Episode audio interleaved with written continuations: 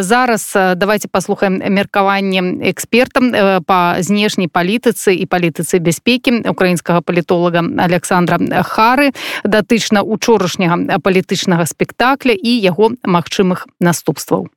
Ну, ви знаєте, це було не таке, я б сказав, би не політичне, а психіатричне дійство. І я подивився обидва шматочки і засідання Ради національної безпеки, і власне звернення з псевдоісторичним, значить, цими ухилами пана Путіна. До речі, дуже цікавий момент, що все це було записано. Тобто він настільки не довіряє вільній волі людини, навіть таких міньйонів, які там зібралися у нього на цьому засіданні Ради національної безпеки. А що треба було записати? По-друге, було цікаво побачити, що фактично всі, окрім пана Шойгу і пана Лаврова, хвилювалися, і особливо було дивно дивитися на голову служби зовнішньої розвідки пана Наришкіна, який як школяр запинався і калібався з лінії партії, як це казали за радянських часів. Можна собі уявити, що вони собі думали там. Уявіть собі всі ці статки, які вони награбували з російських громадян і надр Росії, вивели на за кордон. А напевно прийдеться з цим попрощатися. А по-друге, чи навряд вони матимуть можливість е, відпочивати і тим паче жити в своїх е, замках в різних, скажімо, місцях теплої Європи. Плюс я думаю, що вони побоюються за своїх дружин, коханок, дітей, які навчаються, живуть чи подорожують ті держави. Бо в принципі теоретично Західна Європа, передусім Британія, про це казав прем'єр-міністр Джонсон, можуть, е, скажімо так, вдарити по цій слабині російської кліптократичної еліти. І безумовно, що Російська Федерація вона так скажемо все далі занурюється в я сказав би таку чорну діру цивілізації. Вона наближається по великої кількості параметрів до північної Кореї. Тому безумовно, що це не може їх не лякати особисто їх сім'ї. Е, бо в принципі навіщо ця влада, якщо ти не можеш її користуватися, і всі ці блага, які вони отримали. Тобто, це таке психологічна частина. Друга безумовно, це дійство було зрежисоване, і було дуже цікаво, що кілька е, очільників Кремля обмовилися і казали про об'єднання чи приєднання так званих ДНР ЛНР з Російською Федерацією. Хоча по факту питання стояло про е, визнання е, російських проксі сил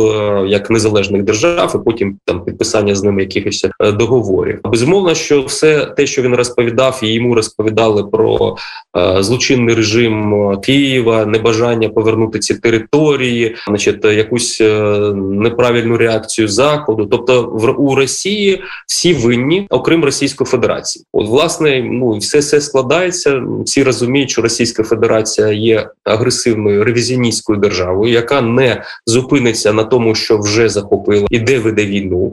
Я маю на увазі не лише е, Крим, Донецьке, Луганськ, Придністров'я, е, Південна Осетія та Абхазія. Безумовно, що будуть і далі поглинання, і безумовно, що передусім є загроза Україні оскільки визнання цих е, псевдореспублік і підписання з ними угоди про безпеку означатиме, що там будуть розміщені російські збройні сили, чи то в значить, формі миротворців, чи то без миротворців. Нема різниці. Ну за фактично, це ті, які зараз є перший, другий армійські корпуси. Вони поміняють свої шеврони з там триколору, е, який там ДНР ЛНР на російський триколор. Я думаю, що е, Путін намагатиметься втягнути туди інших і не здивує дивуюся, якщо там будуть е, з'явиться і білоруський прапор. Тільки пан Лукашенка він недвозначно казав е, про можливість того, що буде воювати з боку Росії проти України на на Донбасі. І власне тому я не не буду здивований цього, оскільки безумовно для Путіна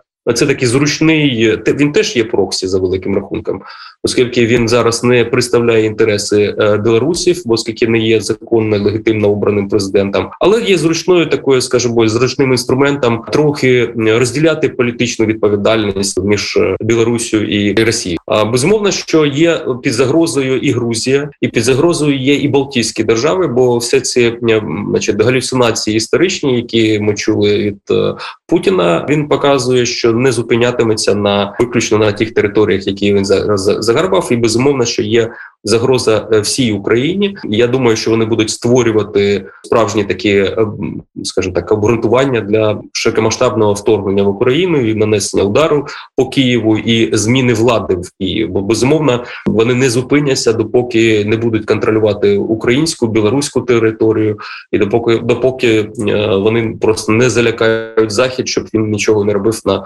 допомагаючи нам. Тому це це небезпечно, це є божевілля. Це божевілля підтримується великою кількістю росіян. Для мене зараз питання лише в тому, яка буде дана оцінка нашими європейськими партнерами, передусім Францією, Німеччиною. Якщо вони будуть е, вимагати діалогу, якщо вони щось будуть розповідати про те, що ну це не зовсім така агресія. Ми ми очікували нападу на Київ, е, захоплення там і розстрілів київлян. А це відбулося так. Ну це фактично нічого не міняє. Тому давайте північний потік 2 не, не будемо чіпляти. Ну тим паче не будемо фінансово-економічні санкції чи блокувати російський експорт. Оце буде е, лакмовий папірець, е, чи новий гітлер сучасності буде набирати обертів. Бо в принципі історія повторюється, і безумовно, що е, вона трагічно завершиться для, для Європи, не лише для.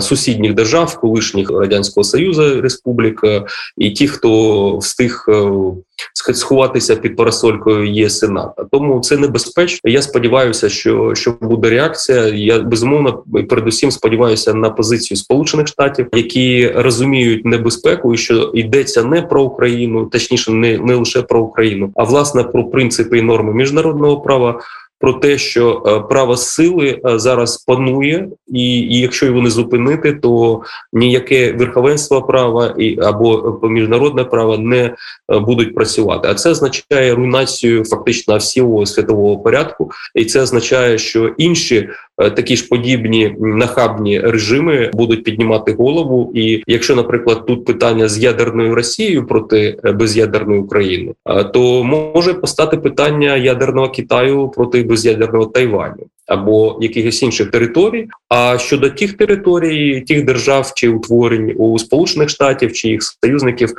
є гарантії безпеки, і вони будуть зобов'язані щось робити у випадку анексії, захоплення чи якихось агресивних дій. Тому це небезпечно, і зараз те, що ми бачимо в Україні навколо України, вона фактично формує 21 століття. Тое что э, побачу усе 22 лютага гэта такое дэтальна спланаваным шоу то бок усе прамовы былі напісаны і запісаныя загадзя. Усе планы гэтыя яны не ўзніклі там учора і э, трэцяга дня. Падаецца что і выбор самой даты 22 02 22 таксама гэта не выпадкова тому что Путін любіць такія умоўныя прыгажосці і гэта ему дадае у ягоных у вачах там нейкай такой вагі гістарычнай як да гэтага кроку гатавалася Украіна якая ну я так думаю что прадугледжвала такі сцэнар Ну ми не виключали такого сценарію але я чесно кажучи не очікував що це відбудеться зараз оскільки ці проксі республіки вони були надзвичайно зручними для Путіна їх там нет да тобто що це якісь там сепаратісти і власне їх руками розхитувалася ситуація ситуація в державі. Тут і починаючи з безпекової ситуації, безумовно, що в траншеях Донбасу наші захисники, наші солдати, вони безумовно не дуже розуміли, що відбувається, оскільки немає війни такої традиційної, а є конфлікт малої інтенсивності. Це надзвичайно тиснуло безумовно на мораль. І безумовно, що втрати от сьогодні там е, ми чотирьох е, людей втратили. Там буквально так кожного дня є якісь втрати чи поранені. Це біль для для ну фактично всієї держави, і на відміну від Росії, яка е, ці братські могили залишає там і своїх і не хоронять як як людей в Україні. Власне і революція гідності тому відбувалася, що ми не можемо дозволити будь-якій владі відноситися до нас як до якогось гарматного м'яса чи там до якогось біоматеріалу. От і власне е, то цей фактор він був е, важливий, він дестабілізуючий був, і за це могли критикувати. Ми критикували і Порошенка, і власне Зеленського за всі ці е, припинення вогню і риторику. Там лише треба припинити стріляти. Це дорікають досі пану Зеленському. А були й інші аспекти. Безумовно, війна це складна і дорога річ, бо потрібно і підтримувати е, наших е, військових там, і зброя потрібна. Всі ці речі вони коштують багато. А безумовно, що е, є і інші проблеми пов'язані з прилеглими територіями, не окупованими. Як там підтримувати нормальне життя людей, тим паче, що інфраструктура критична, вона там зав'язана і іноді там, скажімо, від потрапляння снаряду з боку окупованих територій воно відключало світло чи тепло в власне на підконтрольній уряду України території. Тобто такі речі були. Далі це безумовна критика і попереднього і нинішнього президента з обох боків проросійського, але такого тихесенького про те, що мир потрібно, що треба діалог, що треба йти на поступки. І з іншого боку, патріотична частина, яка яка казала, що ми не можемо йти на такі поступки, які обмежать наше майбутнє, якщо які е, фактично зроблять несправжнім наш суверенітет і здатність українців обирати е, з ким бути в союзі з європейським союзом, з НАТО чи з якимось іншим речами, бо це була ключова ідея чому у нас відбувається війна. І до речі, от в всіх попередніх до е, грудня минулого року, коли Росія оприлюднила вимоги надати гарантії безпеки собі від е, Сполучених Штатів і НАТО, вони казали, там є якась громадянська війна, там проблема в Україні навколо України. А потім виявилося, що питання не в російській мові, в православі чи етнічному походженні російському, а в тому, що Україна хоче стати членом НАТО, хоче стати частиною колективного заходу, і виходить такий дивний сепаратизм в Україні, що трактористи і комбайнери на Донбасі воюють не для світлого майбутнього своїх дітей, а для того, щоб Російська Федерація, яка ні при чому в конфлікті на Донбасі, отримала гарантії безпеки, щоб Україна не стала членом НАТО. Безумовно, що є і інші моменти, наприклад, так звані мінські домовленості. Це був такий інструмент, е, яким і наші західні партнери, передусім Німеччина і Франція, тиснули на Україну, щоб ми йшли на поступки е, для, Росії для того, щоб повернути ці території. А далі е, ці домовленості не були внесені в українське законодавство, але вони були політичною домовленістю домовленістю попереднього президента, яку наслідував це і сказав, що я буду пробувати їх реалізувати новаторським способом. Знайду компроміс. Не вийшло. Но фактично, чому вони були важливі для України? Це те, що до них були прив'язані санкції заходу по відношенню до Російської Федерації. І другий момент фактично це був єдиний документ, де Російська Федерація визнавала територіальну цілісність України. Всі ці моменти вони грали на руку Кремля і до, до, до тепер і давали можливість дестабілізувати ситуацію трохи стримувати наших е, європейських партнерів в, певних питаннях для того, щоб тиснути на Україну і досягти певного певних, скажімо, переваг. Не остання перевага це дестабілізація її економічна. Зараз починається інша історія. Вона вона не буде легкою. Безумовно, нам слід готуватися, продовжувати готуватися до широкомасштабного вторгнення. Не зупиниться Росія на цих контурах Донецька і Луганська. Вони безумовно захочуть відсунути лінію фронту далі, щоб забезпечити безпеку своїх псевдореспублік. Безумовно, що вони намагатимуться поширитися далі, і їх будуть цікавити. Передусім території, які межують з Чорним морем, бо ця проект Новоросія, який е, слава Богу не вдався. Це головна його ідея була відрізати Київ із західної центральної України від моря. Бо без моря, безумовно, в сучасному світі це означає втратити велику частину економіки і можливості власне існувати. Тому в мене немає жодних ілюзій про подальші дії, про те, що в Росії є Воля продовжувати ті е, агресивні цілі по відношенню до України, і на жаль, є ресурси.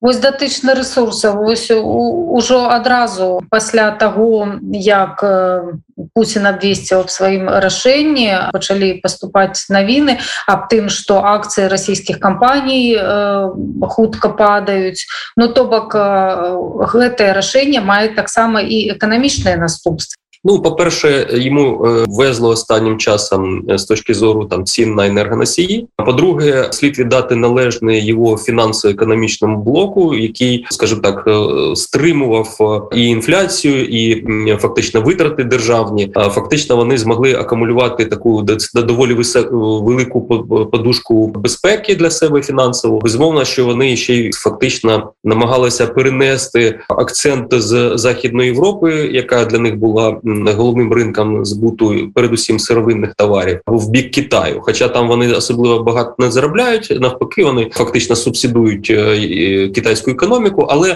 в будь-якому випадку, не маючи можливості е, продовжувати бізнес as usual, як це кажуть е, з європейцями, вони знайшли собі певну таку амортизацію і зміщення на на, на, на схід в Азію. І тому це дає можливість їм значить, певний час протриматися.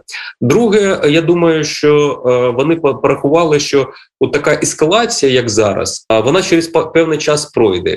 Е, третій момент, тобто з точки зору оцінок, тобто подушка безпеки, потім е, власне оцінка е, економіки як такої для для Росії. Бо безумовно, що Плепс може бути задоволений перемогами Росії. Навіщо йому хліб з маслом? Да? Тобто, в принципі, для Росії це абсолютно традиційно нормальний підхід. І третій компонент це власне оцінка тих можливих негативних наслідків, які будуть реакція ринків. Ну, передусім, те, що про що ви казали, це були реакції російських ринків. Безумовно, будуть реакції міжнародних ринків, де катуються російські компанії великі.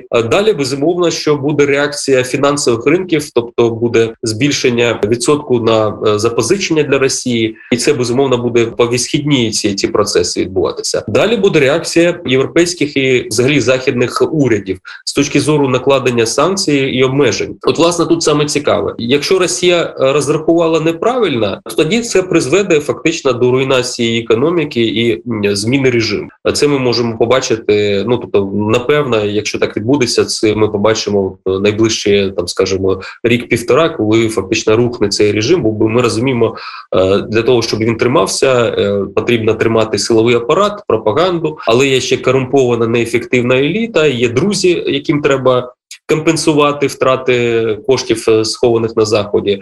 От і тобто, все це разом воно буде безумовно підточувати засади цього путінізму в, в Росії і можуть призвести до, до краху цього режиму. Але безумовно це залежить від е, власне оцінок, е, передусім німців, французів, готовності піти на болючі для себе, передусім кроки. Бо ми розуміємо, що від санкцій страждають і європейські споживачі. А я б не сказав, що зараз е, особливо після е, е, пандемії ковіда, що європейські економіки всі знаходяться в дуже доброму там стані, і що вони будуть здатні фактично, так скажемо, поглинути оці негативний шок від можливих е, санкцій проти Росії. Ну і безумовно, Росія буде теж вводити певні е, контрсанкції. Я думаю, що вони будуть погрожувати відключити газ для європейців. А зараз зима не така холодна, але все ж таки буде неприємна, і ми розуміємо, що це невдоволення німців та інших європейців може спричинити зміну політичного керівництва в їх державах. Бо це ж демократичні держави там не будуть терпіти якихось незручностей чи економічних проблем, е, тому безумовно, що це складна складна складна така система. Тобто Росія пішла на руйнацію фактично е, своїх добрих відносин. Е, безумовно, хотілося б бачити її ізольованою ще більше. Безумовно, побачити обмеження санкцій, оскільки це єдиний спосіб зупинити божевільного з ядерною зброєю, щоб не доводити до, до, до війни. Я нагадаю што вы зараз слухали меркаванне эксперта па знешняй палітыцы і палітыцы бяспекі Александра Хары світанак свабоды